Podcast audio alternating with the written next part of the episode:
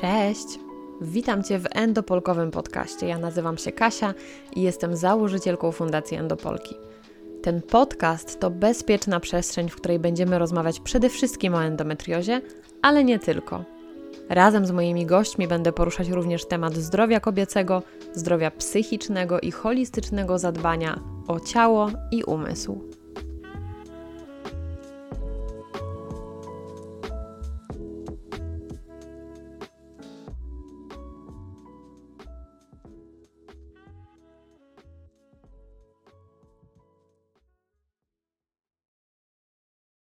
Dzień dobry. Dzisiaj wyjątkowo przeniosłam studio nagrań do innego miejsca, na warszawski Żoliborz do mieszkania mojej gościni, przewodniczki bezpiecznego ruchu w endometriozie i insulinooporności, endopolki, trenerki, która oswaja z uważnym ruchem i mojej serdecznej przyjaciółki, Asi Jaworskiej. Cześć Asia. Cześć, jakie ładne przywitanie. Przyjemnie tu bardzo u Ciebie i pierwszy raz widzę Twojego psa. To prawda. Tak, Benia jest też bardzo szczęśliwa. Goście są zawsze mile widziani, więc fantastycznie się złożyło. Tak, goście są też bardzo mile widziani w tym podcaście, więc jeśli Benia by miała coś do powiedzenia, to zapraszamy. Nie zdziw się, jak tutaj coś powiesz w międzyczasie, więc... Bardzo no. proszę, bardzo proszę Benia. Bardzo się cieszę, że się dzisiaj spotkałyśmy i że nagrywamy ten odcinek, bo jest to temat, który na szczęście staje się coraz bardziej popularny w społeczności endopolek. I myślę, że my to też możemy potwierdzić jako e, działaczki też w tym temacie. I na przestrzeni ostatnich dwóch lat, kiedy rozmawiałyśmy o ruchu w endometriozie, ale też tworzyłyśmy pierwsze warsztaty w zgodzie z endociałem mm, w wersji stacjonarnej, ostatnio w wersji online, czy nawet patrząc na e-booka, widzimy, że naprawdę endopolki coraz częściej pytają, jak się ruszać, jak się ruszać bezpiecznie, czy mogę wykonywać daną aktywność fizyczną, więc tak jak pamiętam teraz nasze w ogóle pierwsze spotkania, jak tylko działalność Endopolek się rozpoczynała, i nasze wątpliwości, Asia, nawet, czy ten temat w ogóle będzie czymś ciekawym dla kobiet z endometriozą, czy będą wolały dostawać te konkretne tipy odnośnie diety, fizjo.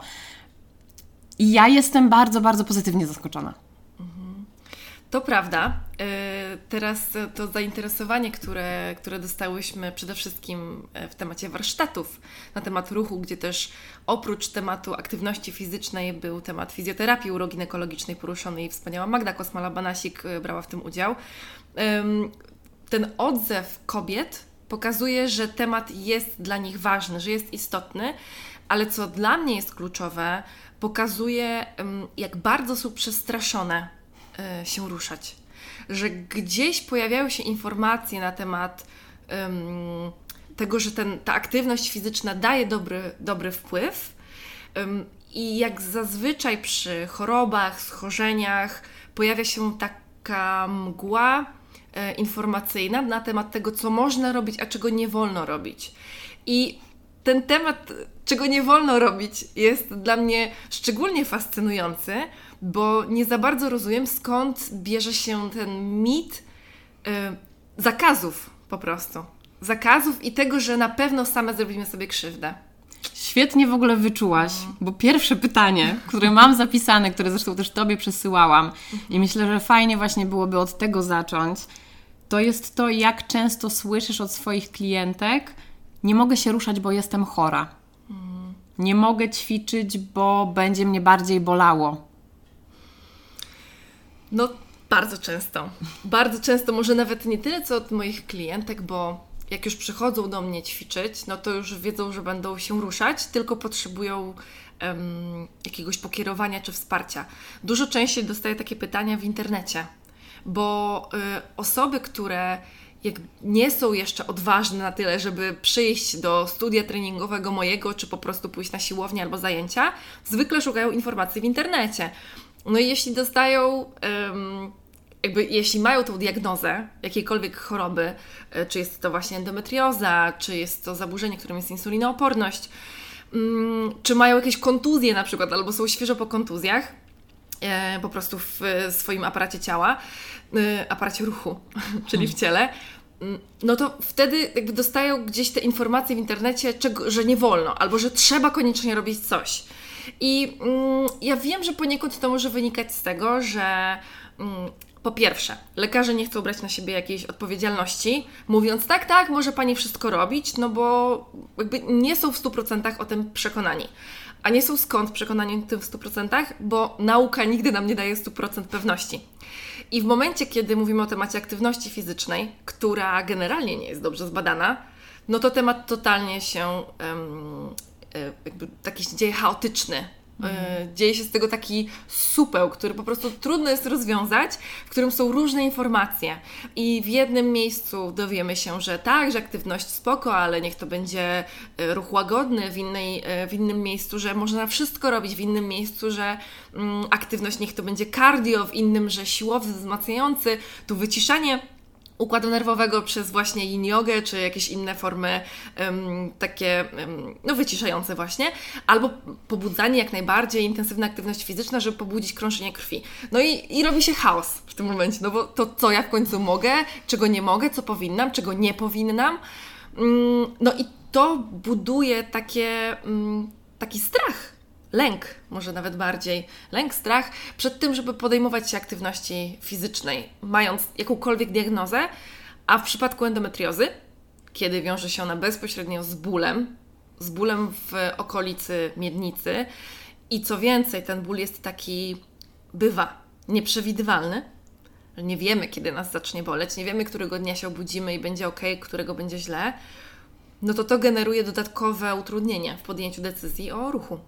Zdecydowanie i od razu sobie wyobrażam taką endopolkę, która na przykład wchodzi na profil fundacji, widzi o tym, że dobrze byłoby się ruszać, widzisz, są jakieś warsztaty, wchodzi do ciebie na profil, zaczyna szukać odpowiedzi. Możliwe, że jeszcze dalej gdzieś szuka, bo rzadko kiedy zatrzymujemy się też na jednym źródle. I myślę, że to też czasami jest trochę problem, e, bo, bo chcemy znaleźć odpowiedź w pięciu różnych źródłach, gdzie te odpowiedzi później trochę się jednak gdzieś tam gryzą, i my jesteśmy w takim a, w takim miejscu, gdzie nie ma tak naprawdę jednej odpowiedzi, bo właśnie, niestety dalej gdzieś spotykam się z tym, że różni specjaliści mówią o tym, że trening z ciężarami kompletnie odpada w endometriozie, tylko jakaś spokojna yoga. I tak naprawdę powiedz osobie, która przez ostatnie kilka lat, albo nawet większość swojego życia, jeszcze nie wiedząc o diagnozie, no bo prawda jest taka, że diagnozę możemy dostać w bardzo późnym wieku, jeśli chodzi o, o endometriozę, ta osoba przez większość życia ćwiczyła siłowo albo bardzo intensywnie, y, biegała, jeździła na rowerze, przychodzi do ciebie w końcu jako do trenerki, u której szuka pomocy, mówi, że ma taką diagnozę, pyta, co może w takim razie robić, a ty mówisz, no niestety, teraz to tylko yoga zostaje. Czy ty w ogóle tak mówisz swoim klientkom? Co ty im odpowiadasz? Ja wiem, że te historie też będą bardzo różnie, bo też y, Oczywiście może przyjść do ciebie kobieta, która nigdy wcześniej nie miała styczności z aktywnością fizyczną, bo tego nie było w domu, WF był słaby, krótko mówiąc. Delikatnie. Mhm. Temat WF-u bardzo często poruszasz, więc tutaj wiesz o co mi chodzi. Generalnie nie po drodze jej było z ruchem, więc oczywiście pewnie inaczej podejdziesz do takiej osoby, która prawdopodobnie będzie miała za chwilę zaliczony swój pierwszy trening w życiu, a do takiej, która jednak y, tą aktywnością wypełniała swoje życie dotychczas. No ale właśnie, czy zaczynamy od pokazania, że możesz wykonywać tylko te trzy ruchy, czy te trzy dyscypliny sportowe, już tak to nazwijmy, czy właśnie pokazujesz, że w zasadzie możesz wiele, ale sprawdźmy, na co ciało dzisiaj pozwoli. Tak, w zasadzie odpowiedziałaś. Ale chciałam, żebyś wiele. rozwinęła. To, co powiedziałaś na początku, podając ten przykład osoby ćwiczącej bardzo intensywnie, robiącej wiele, która nagle słyszy: Nie, teraz to może pani robić tylko jogę. To jest dla mnie fascynujące, bo skąd ta pewność? To jest załamka przede wszystkim. Dokładnie. Ja bym kurczę, rozumiem z jednej strony, bo pewnie chodzi o wyciszenie układu nerwowego, o to, że kiedy podejmujemy się często i intensywnej aktywności fizycznej, no to rzeczywiście nasz organizm jest w permanentnym tym stanie stresu i oczywiście ta rezyliencja na stres się buduje dzięki intensywnej aktywności fizycznej, ale kiedy nie dajemy ciału odpocząć, no to brakuje, brakuje tego wyciszenia, a umówmy się, że jeśli mówimy o osobie trenującej rekreacyjnie, no to prawdopodobnie oprócz tego pracuje, co też generuje stres. Może jeśli dużo trenuje, to też się nie wysypia. No i jakby ta, ten balans między um, pobudzeniem a wyciszeniem jest bardzo zachwiany na stronę pobudzenia. I rozumiem ten argument, no proszę pani, teraz to yoga, teraz to yoga. Okej. Okay. Tylko z drugiej strony nie odbierajmy tej osobie tego, co ją satysfakcjonuje głęboko, co jej daje radość, co jej daje spełnienie, bo zdrowie psychiczne jest równie istotnym zdrowiem, co zdrowie fizyczne. I jedno wpływa na drugie bezpośrednio i w kółko, tak? Do, dopełniają się wzajemnie, jak yin i yang po prostu. I e, w endometriozie w dodatku to zdrowie psychiczne też często jest w pewien sposób naruszone z powodu samej choroby chociażby, tak? Już nie mówię o tym, że każdy z nas coś ma i może mieć po prostu jakieś tam lęki swoje prywatne problemy e, związane też ze zdrowiem psychicznym, ale sama endometrioza w sobie buduje dużo lęku i niepewności, no bo to jest choroba bardzo nieprzewidywalna. I w momencie, kiedy słyszymy, że nie, nie wolno nam robić czegoś, co nas głęboko satysfakcjonuje i daje nam odpocząć od pracy i tego stresu dnia codziennego, no to to już musi być totalna załamka że choroba odbiera ci po prostu wszystko. I uważam, że to jest bardzo nieetyczne robić coś takiego wobec tej osoby. Tak, i wiesz o czym pomyślałam od razu? O tym, że generalnie jak mm, dostajemy diagnozę endometriozy, to pierwsze co słyszymy to jakieś zakazy, mhm. bo mimo wszystko nasze życie musi się w pewien sposób zmienić. Jednak uczymy się na nowo zarządzać tym życiem w chorobie, więc jeśli powiedzmy w ciągu jednego tygodnia dowiemy się o tym, że musimy zmienić dietę. Okej, okay, nie zawsze to są hardkorowe zmiany, tak? Bo, bo nie każdy też ma takie kombo jak endo, SIBO, Hashimoto i cała reszta, gdzie naprawdę w trochę większe restrykcje czasami musimy wejść. Czasami to jest y, tylko ograniczenie produktów tych przetworzonych, czy cukru, y, czy już bardziej jakieś indywidualne podejście, ale to już jest jedna sprawa. Druga rzecz to, że musimy chodzić do lekarza dosyć często, tak? Więc też musimy dostosować trochę swój styl życia do tego, jak będą wyglądały nasze wizyty, nasze konsultacje z y, fizjouroginekologiczną. I pomyśl sobie, że jeszcze taka osoba dostaje info, że nie może chodzić na siłownię, nie może robić tych treningów, które dotychczas robiła. Więc pierwsze o czym myśli, moje ży życie zmienia się drastycznie i już nie będę mogła czerpać przyjemności z niczego, z jedzenia, z ruchu, może nawet z jakiejś relacji z partnerem, bo tutaj to jest w ogóle taki oddzielny, bardzo duży temat, ale zobacz, jak na każdą płaszczyznę oddziaływuje ta endometrioza, a jednak to jest to, co Ty też często mówisz, i ja się pod tym podpisuję. Aktywność fizyczna ma przynosić przyjemność i satysfakcję. Poza tym, że działa korzystnie na nasze zdrowie i dobieramy po to, żeby właśnie to zdrowie sobie poprawić, to jednak nie może być tak, że my idziemy, powiedzmy, na jogę jak na skazanie to nie o to chodzi. Oj, to zdecydowanie nie. Zresztą nauka też nam sugeruje, że podejmując się aktywności fizycznej bez chęci i bez satysfakcji, nie wpływa ona pozytywnie mm, na chociażby właśnie temat stresu, na budowanie tej odporności na stres, czy po prostu odstresowywanie. E, I o tym informacja była w Dlaczego zebry nie mają wrzodów w książce, więc naprawdę to jest książka napakowana bardzo ciekawymi informacjami i tam dokopałam się do tego. I powiem szczerze, no to tylko podbija to, co ja mówię. Co gdzieś czuję, tak, podskórnie po prostu i widzę z doświadczenia dziewczyn, czy po prostu swoich e, doświadczeń. E, ale Myślę, że to, co jest kluczowe w tym wszystkim, to znalezienie na nowo swojego balansu. Czyli jeśli ktoś ćwiczył bardzo intensywnie i rzeczywiście bombardował ten swój układ nerwowy bodźcami i bombardował siebie stresem, jakby i dnia codziennego, i tą właśnie bardzo intensywną, bardzo długotrwałą, częstą, na przykład codzienną e, aktywnością fizyczną, to może warto trochę ten ruch przebudować i nie to, że rezygnować z tej aktywności ale dodać więcej e, tego ruchu relaksacyjnego, więcej wyciszania, może włączyć e, uważność, może jakąś medytację, o, o czym też bardzo dobrze wiesz, bo studiowałyśmy w końcu razem uważność i tak. współczucie, więc świeże absolwentki. W każdym razie może warto pomyśleć o tym i nie tyle co bombardować taką osobę informacjami o zakazach, ale dać jej jakieś wskazówki, jak może być lepiej, jak możesz sobie pomóc poprzez przeplatanie aktywności intensywnej z łagodną aktywnością. Kolejne pytanie jest takie, czy ta osoba, która ćwiczy tak dużo, rzeczywiście czuje się gorzej od tej aktywności? Bo może być tak, że mimo tego, że ćwiczy bardzo intensywnie, to każdy ten trening powoduje, że czuje się lepiej. I teraz pytanie, czy odbierając jej to, odbierając jej ten, ten trening, powiedzmy na rowerze kolarski, czy, czy pływanie, czy na siłowni dźwiganie ciężarów, czy nie odbieramy tego, co jej przynosi ulgę w bólu, tak naprawdę w cierpieniu i w tej chorobie. I kurczę, no, y, nauka jest fantastyczna, jest, nam, jest czymś, co człowiek wymyślił, co nam bardzo pomaga żyć i jakby pomagać sobie samym, ale pamiętajmy, że jest ograniczona naszym własnym umysłem i naszymi gdzieś przekonaniami. I nie do końca rozumiemy to, jak działa organizm, nie do końca rozumiemy nasze ciało. Zresztą, tak jak mówią naukowcy i tak jak my też usłyszałyśmy na ostatnim zjeździe na studiach, tak naprawdę wiedząc, dowiadując się coraz więcej o człowieku, wiemy coraz mniej, bo się okazuje, że tajemnic jest jeszcze więcej i mechanizmów, których nie rozumiemy, jest jeszcze więcej. I czy jeśli podążymy za takim schematem, że dana osoba powinna zrezygnować totalnie z intensywnej aktywności fizycznej, tak naprawdę chcąc jej pomóc, nie pogarszamy jej stanu i może jej indywidualnie ta intensywna aktywność pomaga. No nie? Mhm. Więc y, myślę, że to jest bardzo ważny aspekt takiej indywidualizacji zaleceń i pogłębionego wywiadu. I ja wiem, że z tym jest problem, jeśli mówimy o um, wsparciu na NFZ. I tu odnoszę się do lekarzy, no nie? którzy dają takie zalecenia na przykład kobiecie i w tym momencie ją straszą.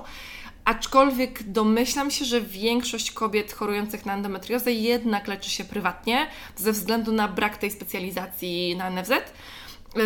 No i no, no właśnie, no, ze względu na chociażby czas oczekiwania do lekarza i tak dalej. Co jest straszne i uważam, że to nie powinno tak wyglądać i nie powinny na nas być stedowane te koszty, bo to nie jest nasza wina, że chorujemy. No ale takie są fakty. I, I może ci lekarze prywatni trochę bardziej są w stanie poświęcić czas na taki pogłębiony wywiad, aczkolwiek nadal wiemy, jak to wygląda. No, 40-minutowe opóźnienia, godzinne u lekarzy, wchodzimy i lekarz poświęca nam czas, ale na badanie i tak dalej, no i ta rozmowa gdzieś tam się rozmywa. Więc. Yy, od tego są takie miejsca, jak Ty stworzyłaś, czyli przestrzeń do Polek, żeby móc porozmawiać, móc znaleźć koleżanki, móc się podzielić swoją historią, i się zastanowić, co mi może służyć i czy na pewno ja powinnam się wbijać w jakiś schemat działań, który jest gdzieś odgórnie zarzucany, a może dla mnie jakby zupełnie co innego jest potrzebne. Um, więc tak. I jeszcze zapytałaś mnie o tą aktywność fizyczną, kiedy przychodzi osoba totalnie zielona, czyli osoba, tak. która nigdy nie ćwiczyła która ma tragiczną e, tak naprawdę relację z ruchem i aktywność fizyczna kojarzy jej się z przymusem, z obowiązkiem, z czymś przykrym, ze zmęczeniem, potem, smrodem i w ogóle wszystkim, co najgorsze. A nawet z upokorzeniem czasami z dzieciństwa. Ty też o tym bardzo dużo mówisz.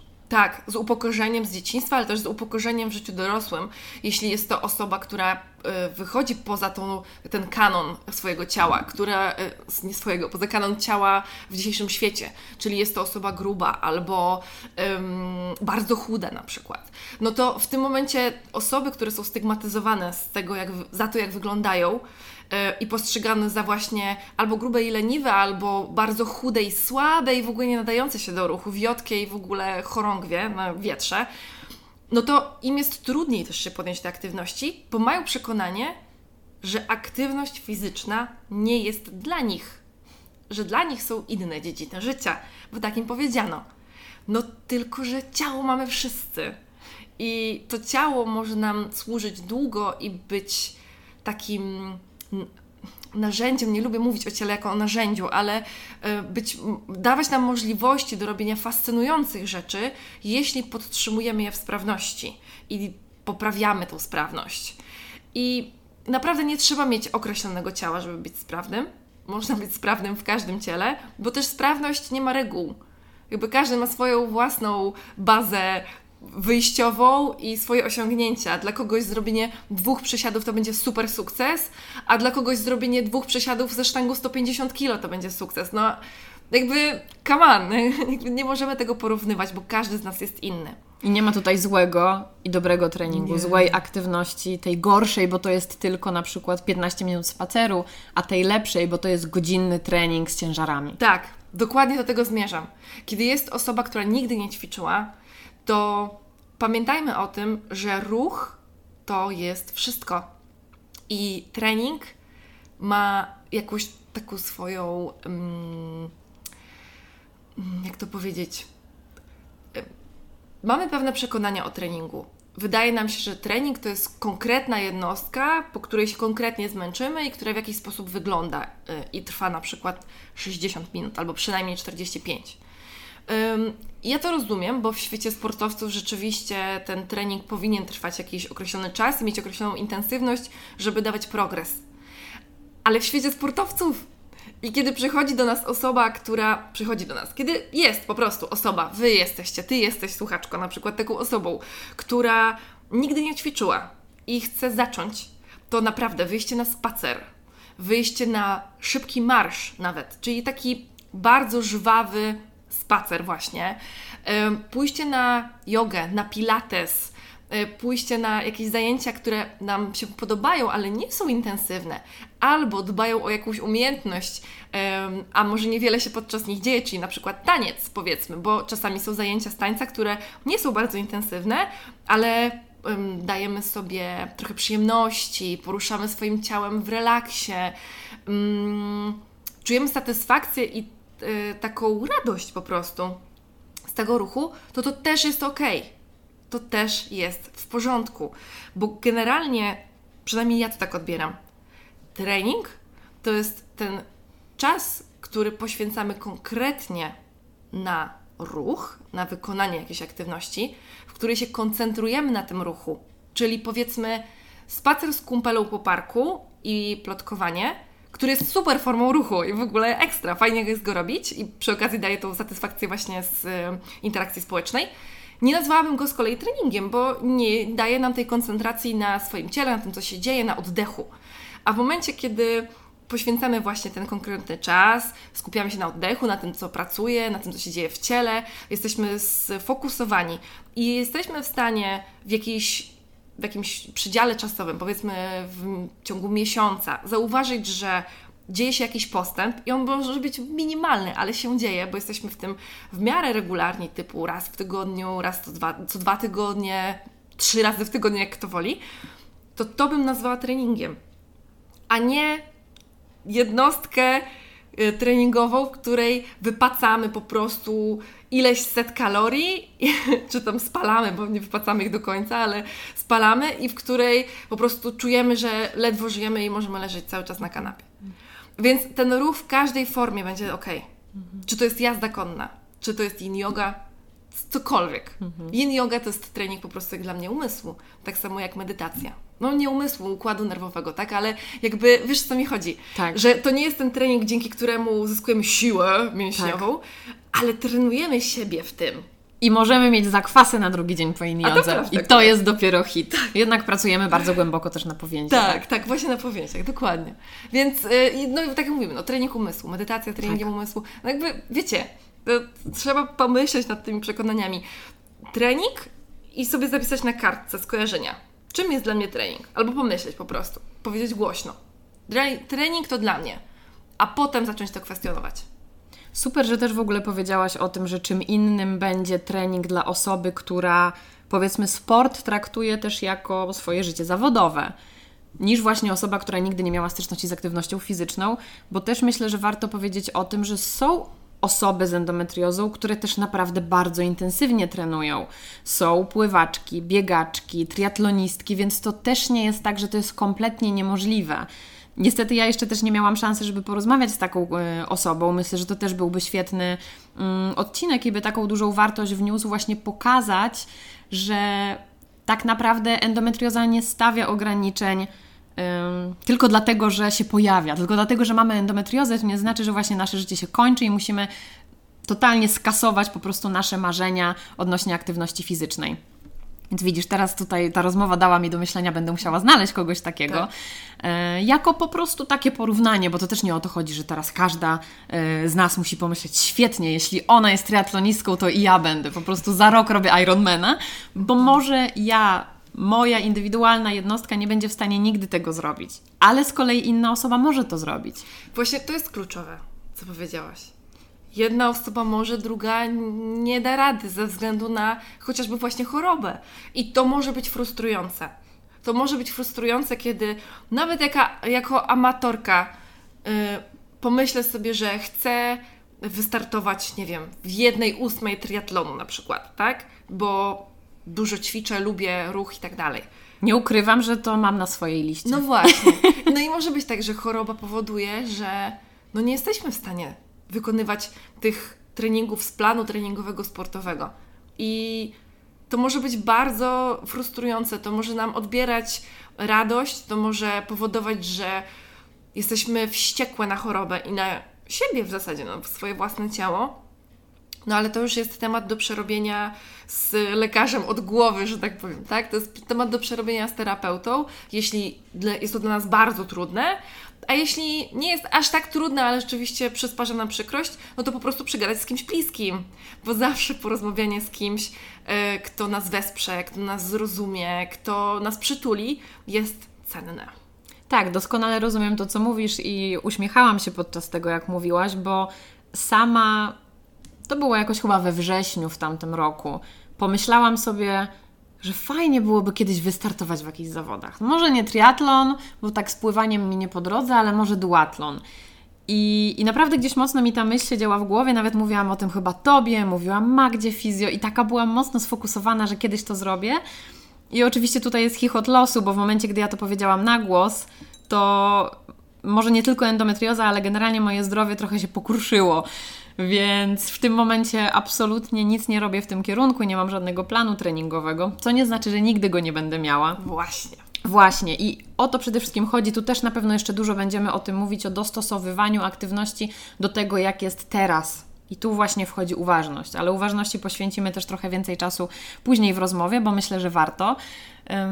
Chciałam Ci zadać pytanie, na które w zasadzie już trochę odpowiedziałaś, ale powiedzmy, że podsumujemy to, bo nie wiem, czy ty często, ale ja często dostaję takie pytanie właśnie gdzieś w przestrzeni endopolek, jaki jest najlepszy ruch w endo? I to też się pojawia u nas na warsztatach, więc myślę, że słuchając już tych 20 prawie 7 minut, drogie słuchaczki, drodzy słuchacze, wiecie, że nie ma jednego idealnego ruchu, nie ma tutaj uniwersalnej rady, raczej dostosowujemy do siebie, ale jeśli byśmy się pokusiły o to, żeby odpowiedzieć na to pytanie, ktoś zadaje nam pytanie, jaki jest najlepszy ruch w endo, co byśmy odpowiedziały?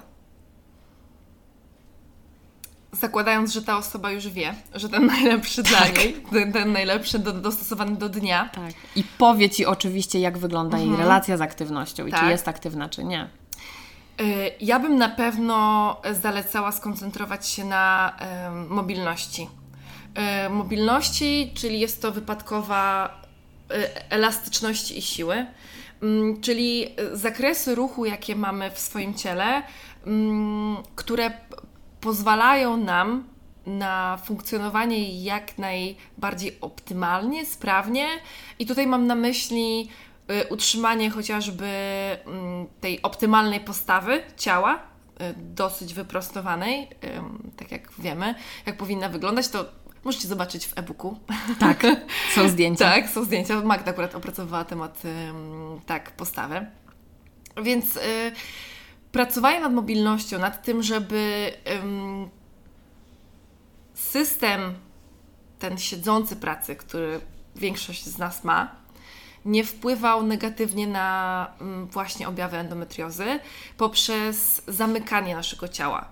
Siedzenie to jest zamykanie biodra. Cały czas zgięty staw biodrowy, e, tam się kumuluje dużo napięć. To jest często garbienie się, zamykanie klatki piersiowej e, i wysuwanie szyi głowy do przodu. I ta pozycja, jeśli trwa długo, bo też nie chcę, żeby zabrzmiało, że siedzenie jest złe. Siedzenie jest ok, tylko długotrwałe siedzenie bez ruchu nie jest dla nas najlepsze. Siedzenie też jest w pewien sposób naturalne dla nas. No to wiemy, jak na przykład długo stoimy, no to marzymy o tym, żeby usiąść. No to jakby come on. Skoro nasze ciało od nas tego chce, to znaczy, że jest to w jakiś sposób naturalne. No i jak najbardziej. Tylko kwestia tego, żeby nie siedzieć długo zamrożonym, tylko rzeczywiście zmieniać pozycję siedzenia lub cyklicznie co jakiś czas, co pół godziny, co 45 minut wstać, tak. pochodzić, poruszać się, otworzyć klatkę, wziąć kilka głębokich oddechów. No i właśnie poniekąd to wszystko sprowadza się do oddychania.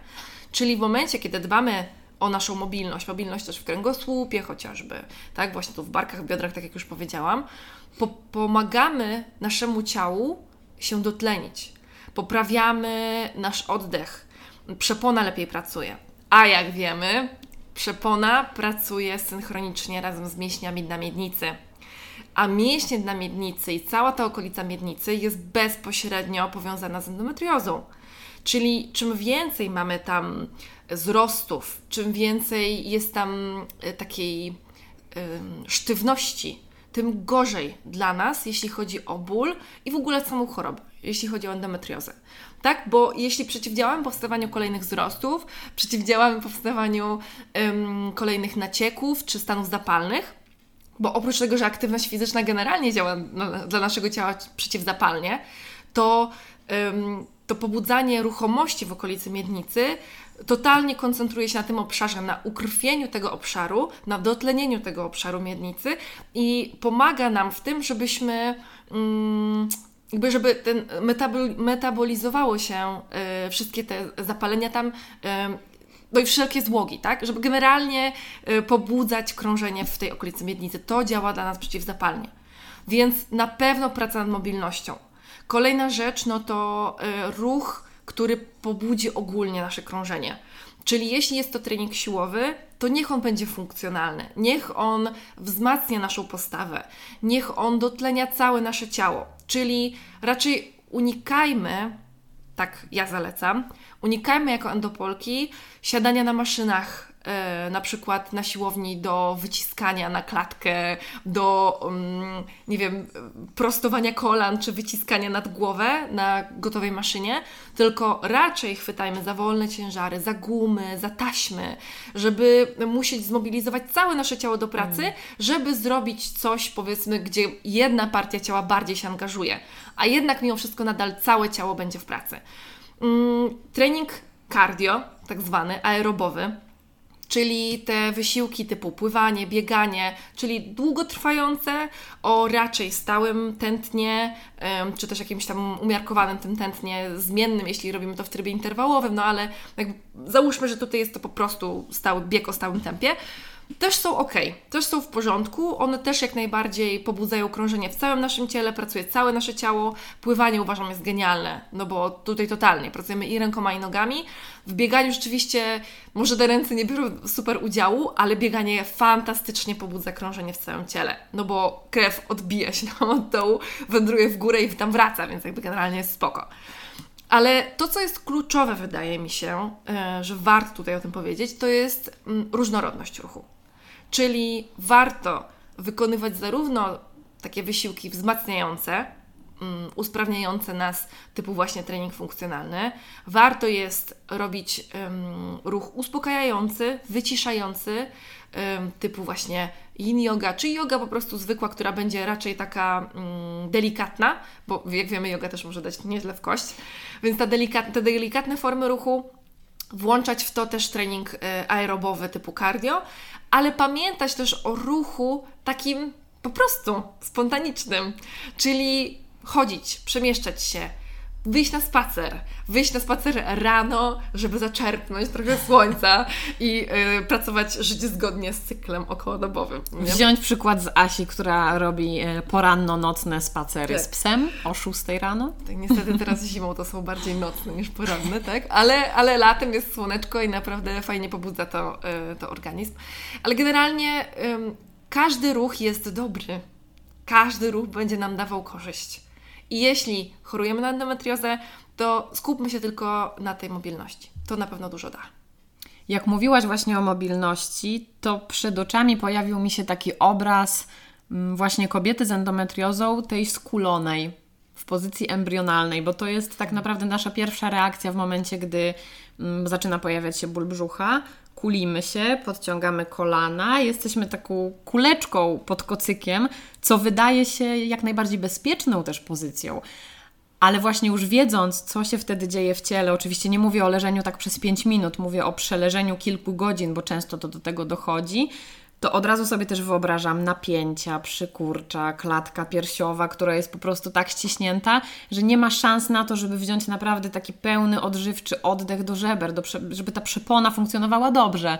I to też oczywiście się potwierdza w tym, yy, myślę, że nie jestem jedynym przypadkiem, ale u mnie też tak często jest, że na wizycie właśnie u fizjoterapeutki uroginekologicznej dostaję różne zalecenia odnośnie właśnie zwiększania mobilności klatki piersiowej i zawsze sobie sprawdzamy, czy przepona dzisiaj w tym momencie działa poprawnie, czy jednak gdzieś jest jakaś tam blokada. Więc to połączenie oddechu na pewno ma bardzo duże też znaczenie, tak jak mówisz, jeszcze przepona, mięśnie miednicy, to wszystko są naczynia połączone. Ale właśnie, chodzi mi przede wszystkim o to, żeby sobie pomyśleć o tej pozycji, którą bardzo często przyjmujemy w bólu i przełożyć na to, jak później nasze ciało ma dobrze funkcjonować, jak ma być odżywione, jak ten układ krążenia ma działać. To jest po prostu nierealne. Chociażby z tego względu ruch będzie dla nas czymś bardzo dobrym. Tak, tak, masz 100% racji.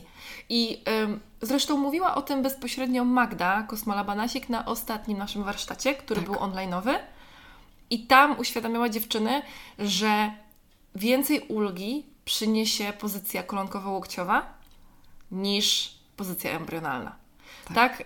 Ym, chyba ta kolonkowo-łokciowa też jest w e-booku. Czy mylę się? Mm, musiałabym sprawdzić, bo już nawet nie pamiętam. Mhm ale jak wygooglujecie, to znajdziecie. Jakby to nie jest żaden problem. Gdybyście były ciekawe, jak ona wygląda. Na pewno jest w live właśnie z Magdą. O. To była seria live'ów przed publikacją e-booka tam pokazywałyśmy taką pozycję, oraz jeden z pierwszych live'ów jeszcze z tamtego roku, chyba z lutego, jak robiłyśmy właśnie spotkanie z Magdą odnośnie fizjoterapii. Tam jest dużo pozycji, w tym na pewno jest kolankowo-łokciowa. Tak, tak, to wróćcie się do live'ów, nie googlujcie. Tak. Na live'ach jest lepiej pokazane. E, poza tym, no, budujemy więź wtedy z Wami, więc to jest zawsze miłe. E, w każdym razie tak, zapraszam do tych live'ów i tam zobaczycie, jak ona wygląda. I oczywiście to nie chodzi o to, żeby y, o nie, pozycja embrionalna jest straszna. Nie o to chodzi. Tak jak powiedziałaś, no ona daje nam poczucie bezpieczeństwa po prostu. Tylko właśnie, no, chcemy położyć tak na chwilę, rozpłakać się, okej, okay, rozumiem, spoko, ale tak jak mówisz, wyjdźmy z niej, dajmy sobie oddech, przejdźmy do tej pozycji chociażby właśnie kolankowo-łokciowej, dajmy sobie ulgę w bólu, bo realnie ulgę w bólu przynosi nam oddech, dotlenienie tego obszaru, a nie zamknięcie. Tak, i ruch tak samo. Myślę, że też wiele z Was tego doświadczyło. Y, wiem, bo też mi o tym piszecie, że czasami, gdy pojawia się ból, pierwsze co robicie, to rozkładacie matę. Robicie kilka delikatnych ćwiczeń, albo wychodzicie na spacer. No macie swoje jakieś takie już sprawdzone sposoby. Hmm, najgorszy chyba jest ten moment, żeby zacząć, żeby zaufać, że to będzie lepsze niż bezruch, bo jednak ten strach tutaj będzie brał górę. Tak. A rzeczywiście ruch jest właśnie świetnym też, nazwijmy to, środkiem przeciwbólowym. Tak, tak, przeciwbólowym, ale to też wynika nie tylko z tego dotlenienia, ale też z procesu, procesów chemicznych, które zachodzą w naszym mózgu dzięki aktywności fizycznej. I chociażby właśnie o to fantastyczne, e, fantastyczny wpływ ruchu na stres, na domykanie cyklu reakcji stresowej, na to, że jakby kiedy doświadczamy stresu, otwiera się cały cykl reakcji stresowej, który jest reakcją hormonalną, która odbywa się w mózgu. I kiedy podejmujemy się aktywności fizycznej, to jednocześnie y, pozwalamy temu ciału, jakby całą tą reakcję chemiczną domknąć idealnie. Tak? Czyli w momencie, kiedy się stresujemy, czy jest to stres związany z chorobą, z pracą, z bólem, mm, automatycznie nasze ciało wchodzi tryb zazwyczaj walki lub ucieczki tak? Czyli możecie to sobie, no bo jest tam jeszcze zamrożenie, jakby okej, okay, ale generalnie skupiając się na tych y, dwóch najbardziej powszechnych, walki lub ucieczki, możecie z, zorientować się, że pojawia się w ciele napięcie. Czyli jak się stresujemy, denerwujemy, jesteśmy złe, jakkolwiek jest nam niefajnie, to zaciska się nasze ciało, zaciska się nam oddech, zaciska się nam żołądek, boli brzuch, zaciskają się nam szczęki, pięści. Generalnie no, czujemy w sobie dużo napięcia, tak? I w dawnych czasach, setki tysięcy lat temu, kiedy nasz mózg się kształtował i do dzisiaj jest identyczny, podejmowa podejmowaliśmy się albo walki, albo ucieczki, czyli był to ruch. Gonił nas zwierz tak. i my wtedy uciekaliśmy albo się broniliśmy. Dokładnie tak. To była aktywność fizyczna. I dzisiaj musimy ją wywołać sztucznie, bo niestety tak funkcjonujemy. W sensie, może to stety w sumie, że nie gonią nas lwy. Ja tam się cieszę. Ale ten stres jednak dopada nas nie w tej formie fizycznej, tylko właśnie psychicznej, e, chociażby w takiej formie ciągłej, właśnie jak e, leczenie, czy jak rosnące raty kredytów, na przykład, mhm. tak, i inflacja. I to się dzieje non-stop. I ta aktywność fizyczna, którą sztucznie w pewien sposób wywołamy, no bo tak jak mówię, no inflacja nas nie goni fizycznie, ym, no to ona nam po prostu realnie pomaga i przynosi ulgę. Mhm. No dobrze. Jeszcze bym Cię chciała podpytać o inne zaburzenie, o którym już wspomniałaś wcześniej, bo poza tym, że jesteś przewodniczką bezpiecznego ruchu w endometriozie, to też w insulinooporności. Sama masz insulinooporność, prowadzisz od wielu lat dziewczyny, które właśnie y, chciałyby się ruszać w insulinooporności. Sporo jest też kobiet z endometriozą, które insulinooporność również mają, dlatego myślę, że warto byłoby chociaż chwilkę poświęcić temu tematowi. Mm, i porozmawiać właśnie o tym, czy ten ruch w insulinooporności różni się od ruchu w endometriozie, czy są jakieś zasady, których też warto, warto pilnować, warto, żeby właśnie y, osoby, które mają endometriozę, pilnowały, czy to jest to wszystko, co już dotychczas powiedziałyśmy? Poniekąd to się nakłada na siebie, więc jakieś takie ogólne reguły rzeczywiście będą identyczne. Natomiast w kontekście insulinooporności i tego, co nam sugerują badania, Kluczową informacją jest podejmowanie się aktywności fizy fizycznej regularnie co przynajmniej 48 godzin, co wynika z tego, że wrażliwość komórek na stres, nie na stres, wrażliwość komórek na insulinę mm, bardzo spada po aktywności fizycznej. Wykonamy aktywność fizyczną, rośnie nam wrażliwość komórek na insulinę i po 48 godzinach mniej więcej zaczyna spadać Dosyć tak drastycznie. Ale no, bez przesady, no ale że tak zabrzmiało, jakby to było groźne. Tak. Nie, ale po prostu zaczyna spadać. I jeśli co 48 godzin podejmujemy się tego ruchu, no to ta wrażliwość komórek na insulinę ma szansę być cały czas podtrzymywana. Dzięki czemu, jakby kiedy kontynuujemy jakby takie, taką, takie działanie, taką akcję, to rzeczywiście znacząco zwiększamy wrażliwość komórek na insulinę. No a insulinooporność polega na tym, że ta wrażliwość komórek na insulinę jest osłabiona, tak? Bo są insulinooporne komórki naszego ciała. I ym, w dużej mierze są to ym, jakby te komórki naszego ciała, które pochłaniają glukozę krążącą we krwi, a insulina jest takim przekaźnikiem, czyli możemy to sobie wyobrazić tak, że glukoza to takie nie wiem, takie ludziki we krwi, a insulina to takie samochodziki. I ludzik wsiada do tego samochodziku, którym jest insulina i ta insulina przewozi tę glukozę do komórek po to, żeby dać im paliwo do działania. Tak każdy sobie może wyobrazić, może widzieliście miło było sobie życie. To... tak, piękna, codzienna metafora. Tak, dokładnie. W każdym razie, mm, kiedy e, ta glukoza jest przetransportowywana do komórek, no to wtedy one mają właśnie energię do pracy i ym, większość właśnie tych komórek, które potrzebują tego paliwa, to komórki e, mięśni szkieletowych, czyli mięśni, którymi poruszamy podczas aktywności fizycznej, co jest no jakby takie bezpośrednio, bezpośrednio skorelowane z tą insulinoopornością, takie obvious, że w momencie, kiedy poruszamy swoim ciałem, zwiększamy zapotrzebowanie na to paliwo, w związku z czym komórki jeszcze bardziej chcą tego, tej glukozy, a jednocześnie uwrażliwiają się na insulinę, no bo insulina tą glukozę im przekazuje tak? Mm. Dlatego ta regularna aktywność fizyczna, rzeczywiście co 48-godzinna, jest taka kluczowa. Oczywiście nie chodzi o to, że jak teraz się, nie wiem, przeziębicie i przez tydzień będziecie leżały w łóżku, to w ogóle cała Wasza praca poszła na marne. Jakby nie, no nie popadajmy w skrajności. Ale oczywiście warto po prostu o tym pamiętać. Jakby ja osobiście traktuję naukę jako wskazówki. Tak? Mhm. Bo tak jak powiedziałam wcześniej, nauka nie daje nam 100% pewności na nic. To są często korelacje, to są jakieś poszlaki, ale możemy wyciągać jakieś wnioski z tego, bardziej lub mniej pewne. Mm, no i po prostu sugerować się tym i działać tak, żeby nam było lepiej, nie? Więc, e, więc to warto, e, warto pamiętać o tej częstotliwości. Mm, mówiło się kiedyś, że w insulinooporności to tylko spacery, łagodny ruch i ewentualnie ruch cardio, a nie siłowy, y, ale no, no, nauka tego nie sugeruje w tym momencie. Tak, jakby mm, zaznajamiając się ze wszystkimi najnowszymi badaniami, to różnorodność ruchu. Czyli dokładnie tak jak w endometriozie, i trening siłowy, i trening cardio, i trening ten wyciszający, czyli ten ruch e, uspokajający nasz układ nerwowy E, ponieważ stres e, sam w sobie działa mm, tutaj negatywnie jeśli chorujemy, cierpimy na insulinooporność, bo kortyzol daje sygnał trzustce, żeby wyrzuciła insulinę. Yy, glukozę, przepraszam. Tak, daje sygnał, żeby e, wydzieliła się glukoza, żeby pojawiła się energia, która jest kumulowana. Więc jakby warto o tym pamiętać, że ten stres niestety nie jest dla nas najlepszy w żadnej postaci, ale też go nie unikniemy. No i pamiętajmy też, że stres jest nam niezbędny poniekąd do przetrwania. W sensie tylko ci ludzie, którzy się w prehistorii stresowali, przetrwali do dzisiaj, bo ci, co siedzieli wychillowani, byli zjedzeni przez lwy, więc jakby to dobrze, że on jest. Tak. Tylko po prostu my sobie nie możemy mm, bombardować siebie tymi stresorami, czyli mhm. tym, co wywołuje w nas reakcję stresową. tak.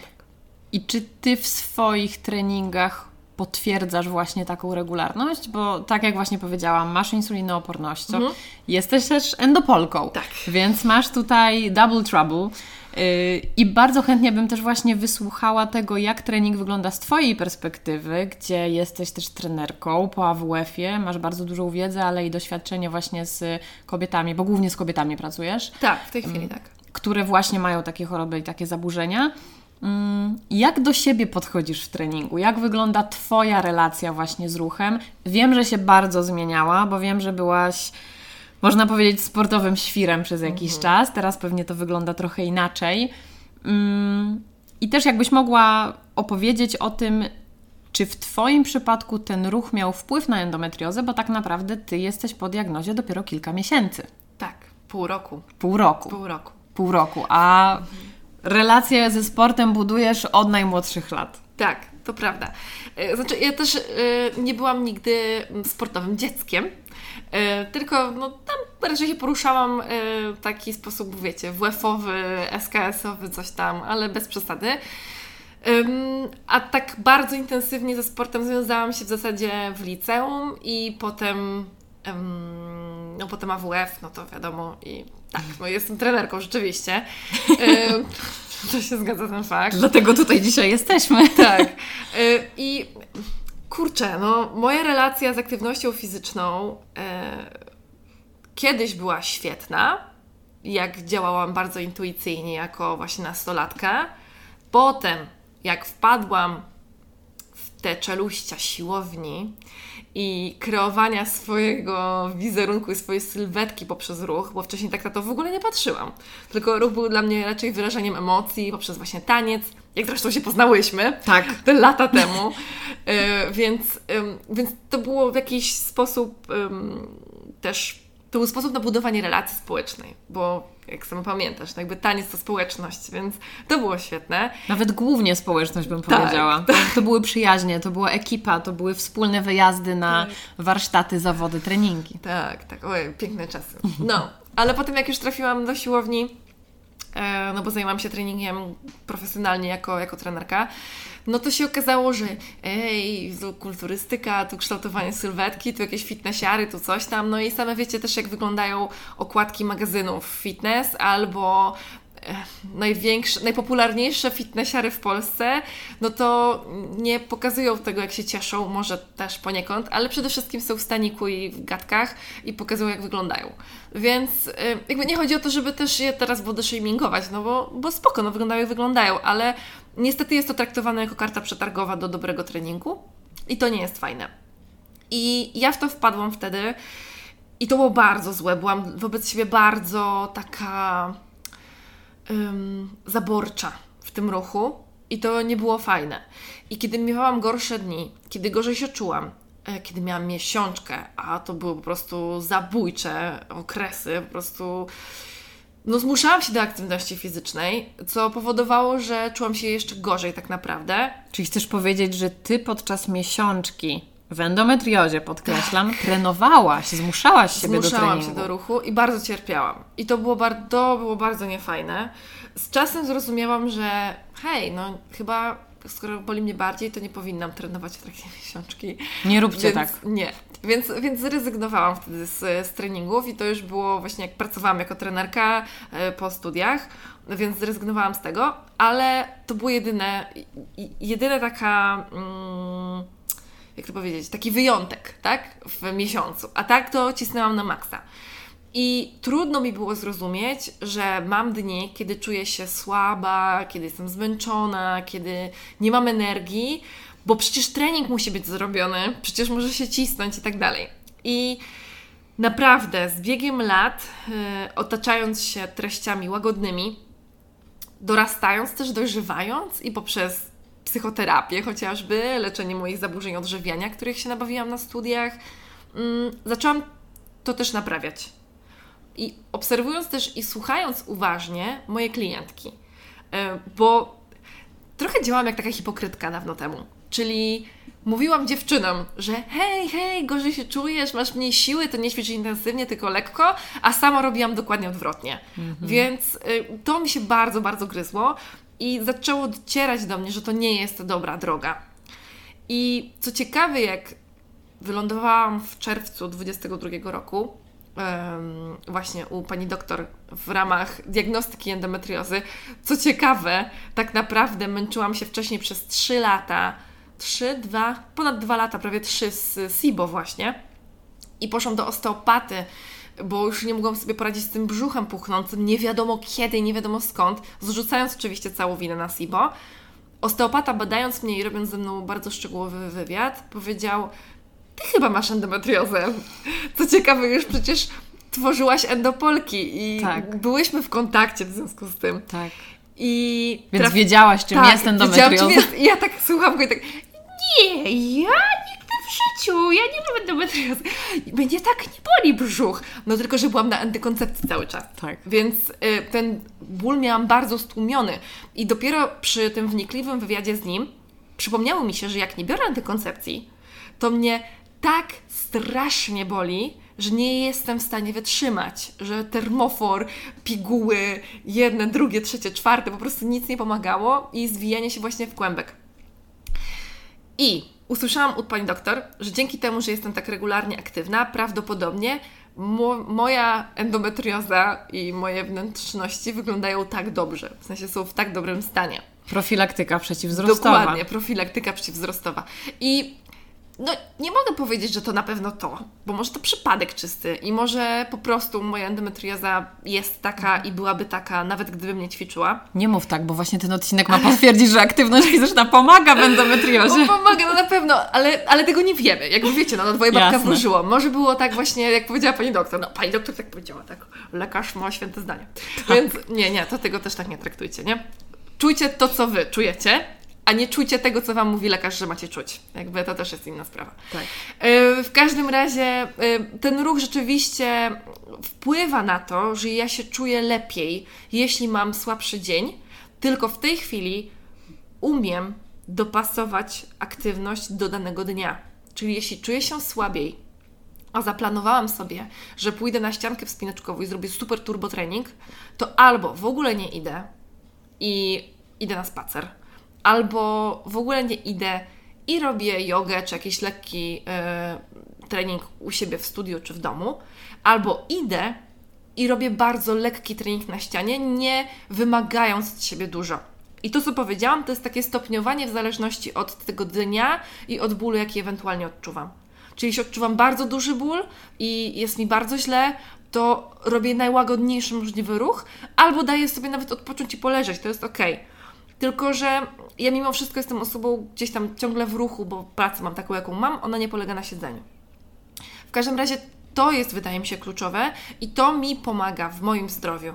I w tym, żebym ja była w stanie wykonać jakiś dosyć dobry performance sportowy, bo jednak trenuję dość intensywnie, yy, wspinam się yy, na panelu, czyli na sztucznej ściance tutaj treningowej, wspinaczkowej, ale zdarza mi się też jeździć w skały i nie jestem wybitna, nie powiem, że jestem wow, najlepsza na ścianie, bo to nieprawda, ale uważam, że jak na mój staż wspinam się bardzo dużo i mam e, do, dobrze i mam dużo siły. I ta siła też wynika z tego, że trenuję siłowo od wielu, wielu lat. No i właśnie, teraz tylko ważne jest to, żeby nie popaść ze skrajności w skrajność. Czyli ja mam czasami na przykład takie myśli, że sobie obiecuję bardzo dużo że wow, to teraz, nie wiem, będę pracować bardzo nad jakąś tam umiejętnością siłową czy coś tam. I rzeczywiście życie weryfikuje to. Na przykład czuję się po prostu słabo, źle, mam mało siły i muszę to odpuścić. I to jest ciągłe przerabianie gdzieś tam w głowie straty w pewnym sensie. To tak jak ten mój plan z duatlonem. Tak. Jest Weryfikacja przyszła bardzo szybko. praca ze smutkiem, praca z, e, właśnie ze stratą. I szczerze, ja czuję, że z każdym kolejnym pożegnanym planem sportowym czy marzeniem, ja jestem silniejsza i mądrzejsza. Staję się bardziej wyrozumiała wobec siebie i na przykład nie ruszają mnie jakieś komentarze yy, przykre, czy które kiedyś może byłyby dla mnie przykre, no nie? Em, czy jakieś porównywanie mnie z kimś, kto jest, nie wiem, lepszy sportowo niż ja, a na przykład nie, nie jest trenerem albo coś. Jakby mam to gdzieś po prostu w tej chwili, bo tylko ja wiem, co się dzieje ze mną w środku. I to jest uważność. I to jest uważność. A czy wszystkie formy ruchu, jakie podejmujesz, właśnie dostosowując do tego, jak się czujesz dzisiaj, jak się czujesz teraz, są takimi formami, które lubisz? Sprawiają ci przyjemność? Czy łapiesz się na tym właśnie, że zaplanowałaś sobie dzisiaj ściankę, czułaś nawet rano, że masz bardzo dużo energii i chcesz to zrobić? Przychodzi niestety ten moment, kiedy musisz zmienić plany, i tutaj wchodzi to poczucie straty. I czy wtedy jest tak, że z rozsądku wchodzisz na matę, żeby zrobić lekką jogę, bo wiesz, że to będzie lepsze? Czy myślisz sobie, w sumie to lubię też tę jogę? A to bywa różnie, bo generalnie jakby ten ruch, którego się podejmuje, to zawsze jest to ruch, który generalnie jako, w jakiś sposób lubię. Ale bywają dni, to jest tak jak z partnerem. Generalnie go lubimy, ale czasami nas wkurza, no? Dobrze, żebyśmy go lubiły. Dokładnie. Yy, Więc życzę nam tego wszystkim. Yy, I tak samo jest z ruchem. Że generalnie lubię jakiś ruch, ale mam dni, kiedy mnie wkurza. I robię na przykład taką jogę z rozsądku, ale wtedy zwykle robię ją bardzo krótko po prostu. I to też jest okej. No zrobię 5 Tak. minut zamiast 45, no i, i spoko. Tak, i też nie oszukujmy się. Myślę, że też o to chodzi, żeby być trochę w takiej, e, no w prawdzie, w dobrej relacji ze sobą, żeby siebie nie oszukiwać, nie przekonywać do tego, że teraz będę po prostu największą miłośniczką jogi, bo, bo tylko to mogę robić. A ty, a ty jak? A u mnie też wiesz, że jest dosyć różnorodnie. I właśnie tu, jeszcze kończąc, powiedzmy, Twój wątek albo uzupełniając, Aha. powiedz tak szybko, jakie są Twoje ulubione aktywności, bo wspomniałaś już wspinaczkę. Tak. Wspinaczka, pływanie. Nawet dzisiaj byłam na basenie właśnie. Teraz uczę się trochę z trenerem pływać trochę Świetnie, inaczej. świetna w ogóle sprawa. Fantastyczne. Ym, więc to. Y, yoga na pewno y, przy okazji. Trening taki ogólnorozwojowy, siłowy, funkcjonalny, jakkolwiek go chcemy nazwać. Który też prowadzisz. Y, tak, który też prowadzę. I czy to jest uczę. właśnie ten ruch, który lubisz? Tak, jego też lubię. Jakby wszystko to, co mówię, to, to, to są rzeczy, które bardzo, bardzo lubię. Mm, miałam zajawkę w zeszłym roku na movement, którego się uczyłam od naszego wspólnego kolegi Kuby Łodzioby. Tak. I nadal mam tą zajawkę, ale jest y, w pauzie, że tak powiem, bo nie da rady wszystkiego robić naraz. Y, ale gdzieś tam przemycam pewne elementy i, i szlifuję to, czego już mnie nauczył Kuba w zeszłym roku. A czym jest movement, tak w jednym zdaniu? Oj, nie wiem, czy jestem kompetentna, żeby o tym powiedzieć. Okej. Ale generalnie ja to odbieram tak, że jest to em, ruch, który, mm, który wykonujemy w, w jak największych, niemalże skrajnych czasami zakresach ruchu, czyli wykorzystając, wykorzystując pełen potencjał naszego ciała, który opiera się i na mobilności, i na kształtowaniu siły, i wytrzymałości, koordynacji ruchowo-mięśniowej. E, Bardzo, bardzo wszechstronny ruch, tak. Czyli zabawa, ale też takie zaawansowane różne formy. Tak, tak, te ele- elementy mikrobatyczne, akrobatyczne, e, ale tak jak mówię, może Tak. się gdzieś pomyliłam, więc jakby wiecie. Jasne. Chciałam tylko po prostu tak powiedzieć, że może słuchacze nie wiedzą, czym jest Jasne. movement, więc wyjaśnijmy szybko. Oczywiście, oczywiście. E, więc to tak. Głównie to to. Rower. Rower, oczywiście. Rower, tylko że właśnie rower to jest moje narzędzie lokomocji, więc trudno jest mi go traktować jako sport, bo nie trenuję kolarstwa jako takiego, tylko jeżdżę rowerem po prostu codziennie do pracy. Cały czas, cały rok. Więc tylko jak jest super oblodzona jezdnia, to nie jadę. Ale jak jest śnieg, to też jadę. I, I uważam, że to jest świetne. W ogóle to uczucie tego zimnego, takiego szczypiącego czasami wiatru na twarzy, kocham to. To jest ws- wspaniałe, naprawdę. Ym, więc to. E, I bardzo lubię spacery z moim psem. To jest fantastyczna forma ruchu. Świetna. Polecam każdemu. A czy ketle dalej są gdzieś w Twojej, powiedzmy, rutynie Mhm. ruchowej? Tak, no ketle są elementem mojego treningu siłowego, tego funkcjonalnego. Więc y, jak najbardziej bawię się ketlami, sztangą, TRX-em, boksem, ciężarem własnego ciała. No, dużo tu jest do robienia. Świetnie. To, co najważniejsze, wydaje mi się, powiedziałaś i pokazałaś, to właśnie tę różnorodność. I to też od razu mi się kojarzy właśnie z tą przyjemnością, o której mówimy, i z taką zabawą, że ten ruch właśnie jest zabawą, że mogę poćwiczyć dzisiaj z ketlem, mogę przejechać się rowerem do sklepu, do pracy, mogę sobie jakieś wygibasy z movementu porobić. I i to jest też to właśnie, co podkreślasz i na warsztatach, i wiem, że na swoich warsztatach wyjazdowych, i mam nadzieję, że to też będziemy uskuteczniać na naszych wspólnych warsztatach wyjazdowych, Totalnie. które będą w kwietniu. Właśnie takie zarażanie tym ruchem, który, który daje przyjemność, bo osobiście też tak do tego podchodzę. Ja przez powiedzmy jakby od czasów też tych y, dziecięcych miałam bardzo różną relację z ruchem. Nienawidziłam WF-u, szukałam możliwości, żeby tylko mm, dorwać jakieś zwolnienie z WF-u, żeby tylko nie musieć grać w siatkówkę przez cały rok szkolny, bo, bo to było coś, czego nie lubiłam. Na szczęście y, powiedzmy, że miałam takie usprawiedliwienie, od rodziców, bo dużo wtedy tańczyłam, więc rodzice wiedzieli, że jestem w jakimś ruchu. I ten taniec rzeczywiście towarzyszył mi przez wiele lat. Tak też właśnie się poznałyśmy z Asią i znamy się już pewnie jakieś 12 lat, jak nie więcej. E, tak, więc y, ten taniec był pierwszą taką, powiedzmy, formą ruchu, która też właśnie dawała mi radość. I jak sobie teraz tak przefiltruję te lata, to czy rzeczywiście kiedykolwiek byłam w momencie, kiedy zmuszałam się do jakiegoś ruchu, którego totalnie nie robiłam? Oczywiście, że tak. To były te lata, kiedy zaczęły się pojawiać pierwsze treningi na YouTubie. Ja wtedy miałam akurat najgorszą relację z ruchem, bo, bo gdzieś ten ruch zaniechałam, więc powrót do regularnej aktywności po pierwsze jest zawsze trudny, a po drugie, jeśli nie możesz znaleźć jakiejś aktywności, która w ogóle sprawia ci przyjemność, to czepianie się czegoś, co jest odwrotnością, no też jest po prostu bez sensu. Więc trochę lat mi zajęło znalezienie na nowo formy, która jest dla mnie przyjemna i w ten sposób też właśnie wróciłam do jeżdżenia na rowerze. Jako dziecko dosyć dużo jeździłam z tatą na rowerze, a kilka lat temu zaczęłam jeździć tak naprawdę dzięki mojemu partnerowi, który jest triatlonistą, więc u niego ten rower jest jakby codziennym elementem powiedzmy treningu i życia. Yy, I w tym momencie, chociaż już nie jeżdżę regularnie, bo doszłam chyba też do tego, że hmm, tak jak właśnie przypomina się to, co powiedziałaś e, Asiu o miesiączkach i o trenowaniu.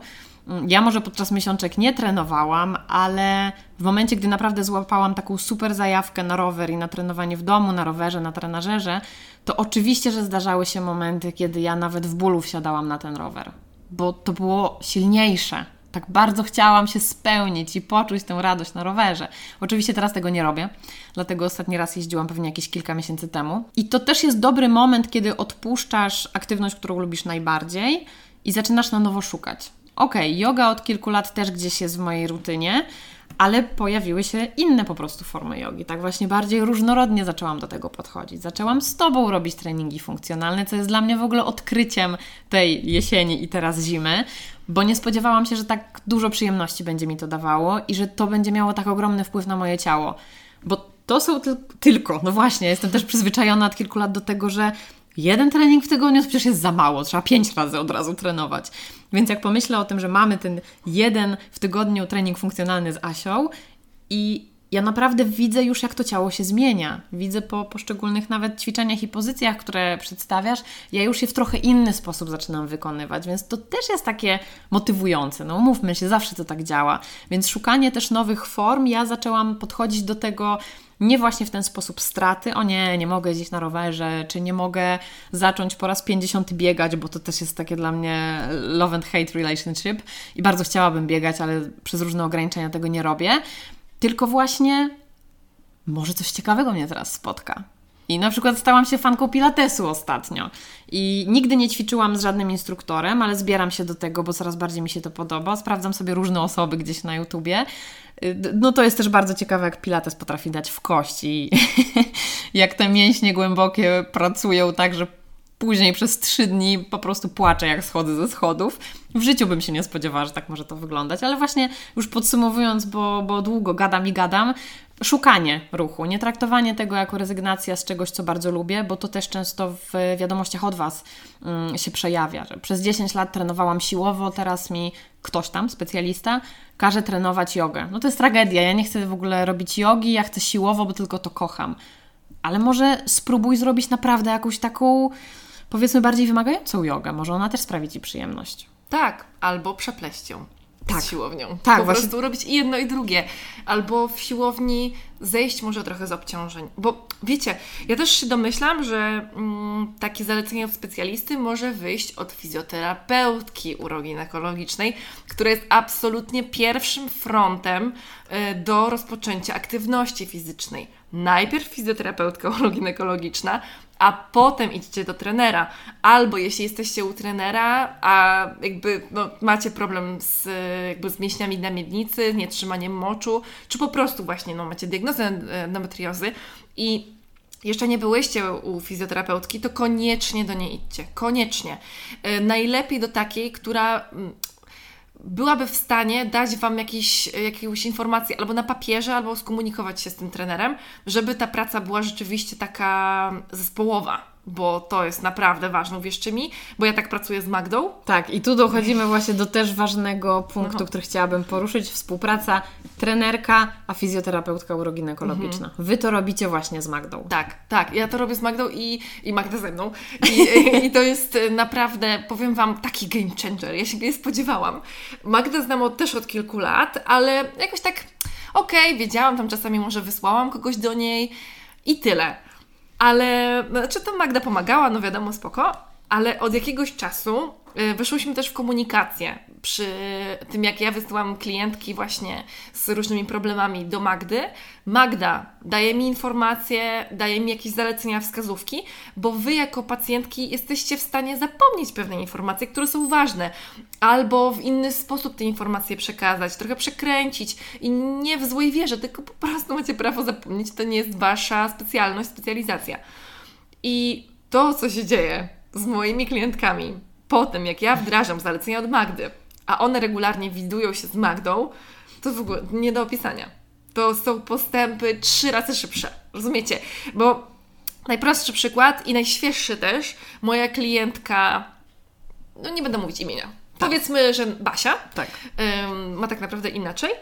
Ym, Basia była u Magdy y, ze swoimi problemami właśnie z mięśniami na miednicy, z problemami uroginekologicznymi i dostała zalecenia y, zwiększania mobilności w klatce piersiowej, ale w y, kręgosłupie w odcinku piersiowym. No i jakby umiejętnego, świadomego włączania mięśni na miednicy podczas pracy takiej funkcjonalnej właśnie na siłowni. I dzięki temu, że poszła do Magdy, to Magda jej też dokładnie wyjaśniła, jak te mięśnie uruchamiać. Ja nie mam kompetencji, żeby to zrobić. Ja mogę wytłumaczyć, wyjaśnić, wciąganie tamponu i tak dalej w siebie, no ale jakby zawsze jest inaczej, kiedy jest ta praca z fizjoterapeutką, która podziała palpacyjnie, która jakby też ma większe kompetencje i większą wiedzę na ten temat.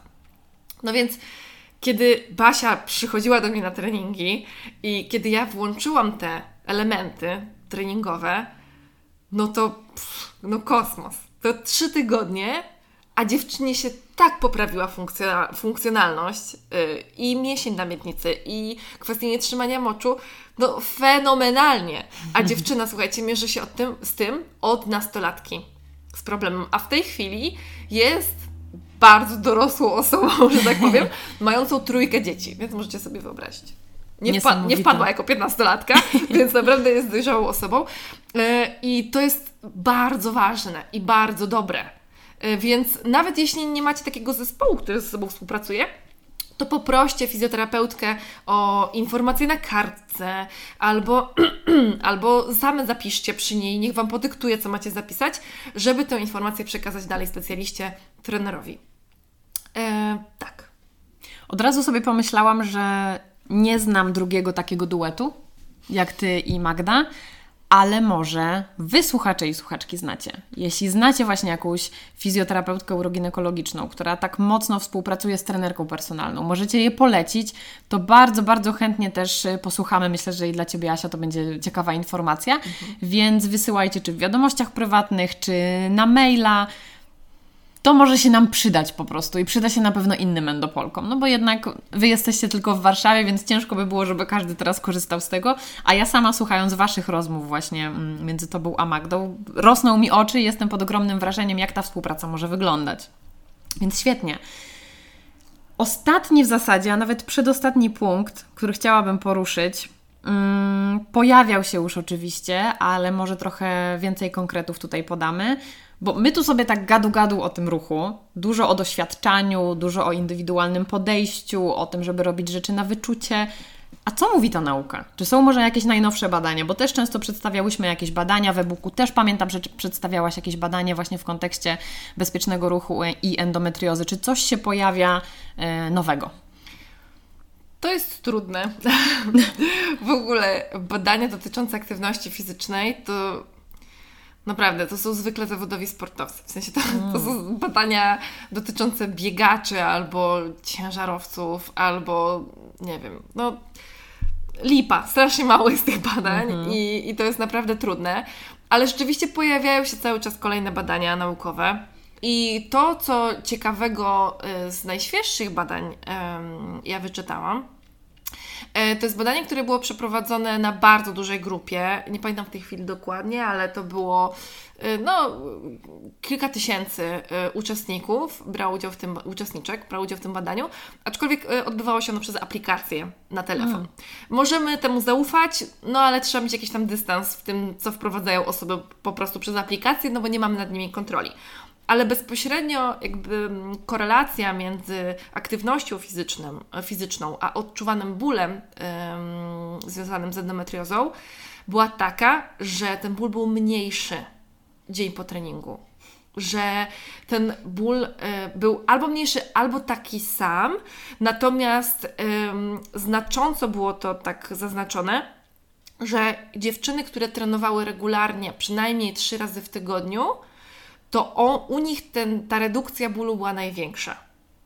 Czyli ewidentnie organizm dobrze sobie radzi z tym stresorem, którym jest aktywność fizyczna, poprzez uodparnianie organizmu na ból, bo umówmy się, aktywność fizyczna w pewnym zakresie też wywołuje w nas dyskomfort.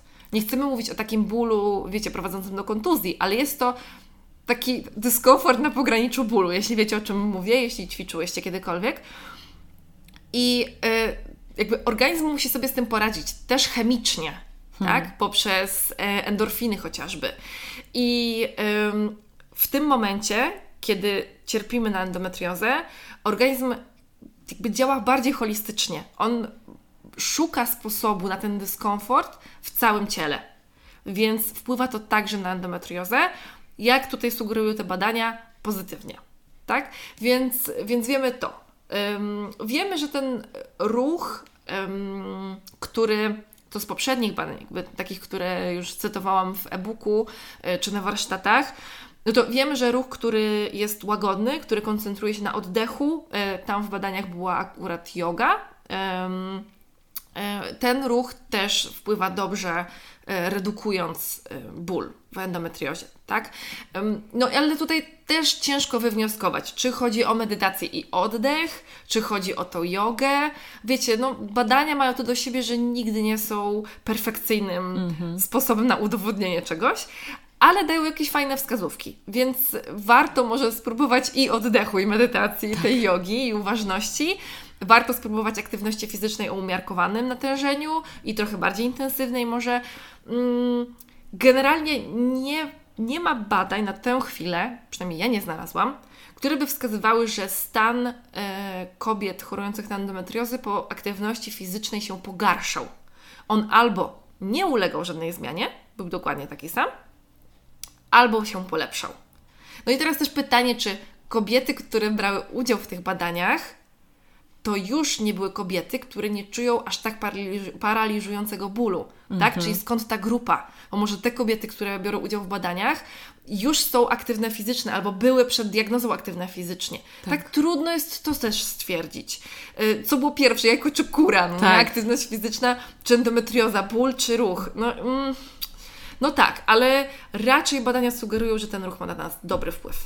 I myślę, że to też jest właśnie cenny wniosek, że nie było pogorszenia Bo nawet jeśli nie ma tutaj jakichś spektakularnych efektów, mm, to jest szansa, że mogą być, nawet na poziomie kilku procent, ale ważne jest to, że rzeczywiście tego pogorszenia nie było. Ale oczywiście to też już było powiedziane i domyślam się, że te kobiety nie zmuszały się do ruchu w momencie miesiączki czy najgorszego bólu, tylko jednak tutaj właśnie wchodzi uważność. Czym jest uważny ruch? Hmm. Uważny ruch. Uważny ruch to jest e, ruch, w którym jesteśmy w 100% wszystkimi zmysłami. Czyli to jest to ruch, w którym uruchamiamy nasz zmysł dotyku, e, uruchamiamy mm, nie tylko nasz zmysł wzroku, który jest zazwyczaj, ale też zmysł równowagi. To jest ruch, w którym jesteśmy w sobie, którym poświęcamy ten czas na, na to, żeby podarować sobie chwilę um, przyjemności, chwilę radości, e, zainteresowanie, kiedy wiecie, na pewno znacie takie, albo byłyście w takich sytuacjach, że biegałyście i słuchałyście podcastu, albo co nie jest niczym złym, e, ale no właśnie, albo nie wiem, oglądałyście e, coś na telefonie i jechałyście na rowerku stacjonarnym, ok? To jest spoko.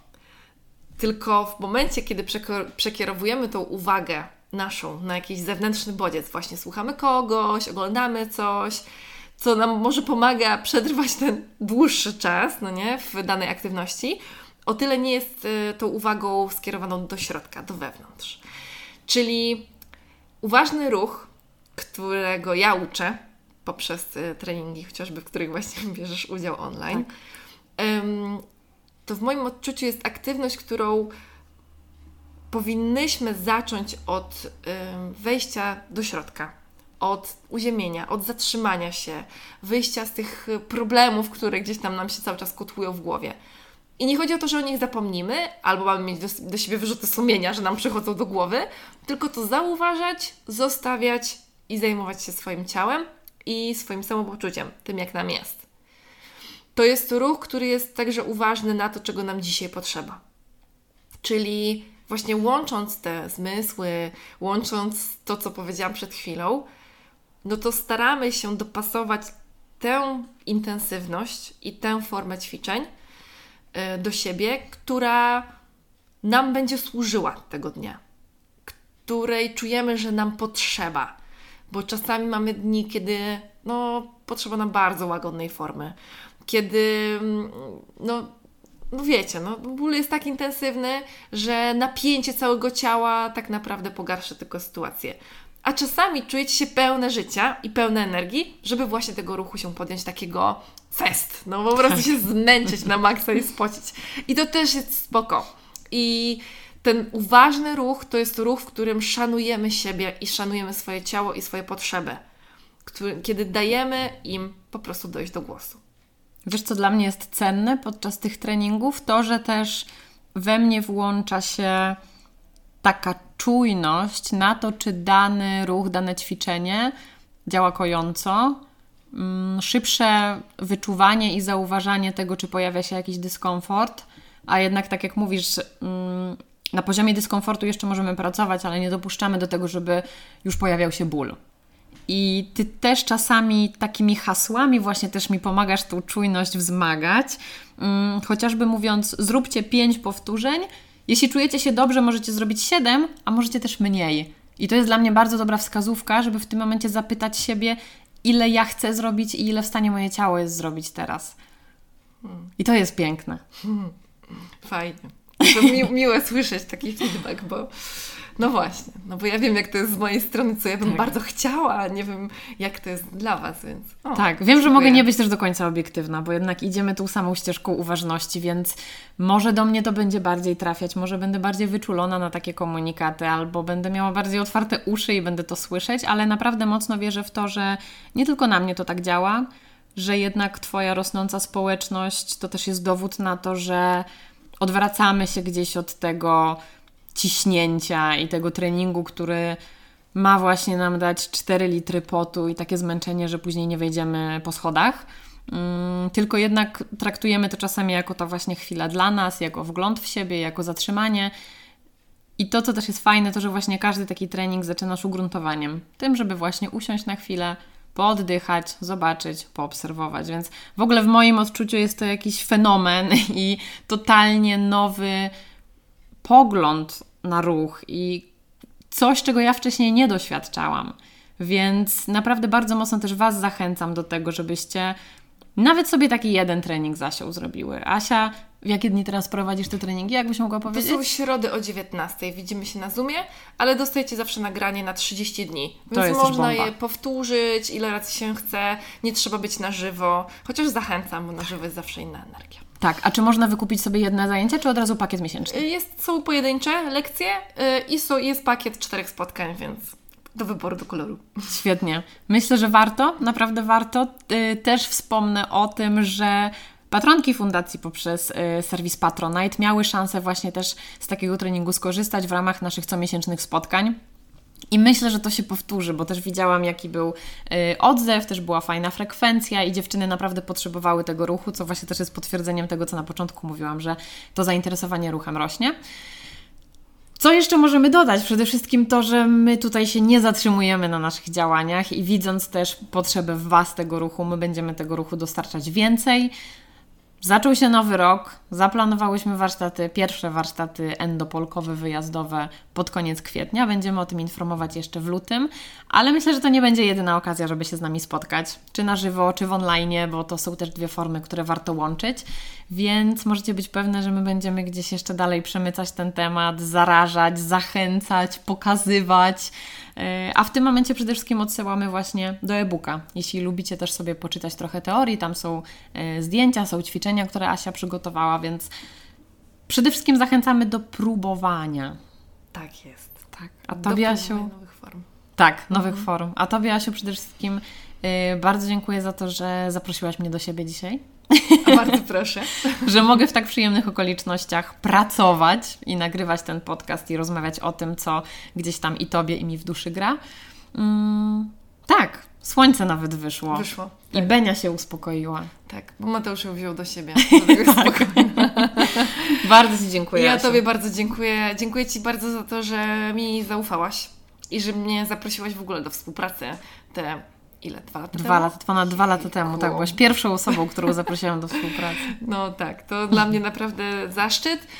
Yy, No i bardzo się cieszę, że ten temat aktywności fizycznej, mm, no, zainteresowanie tym tematem się zwiększa, bo naprawdę ja nie wierzyłam, że tak będzie. Tak, ja też nie wierzyłam, że w tej grupie tak będzie, wiesz? Tak.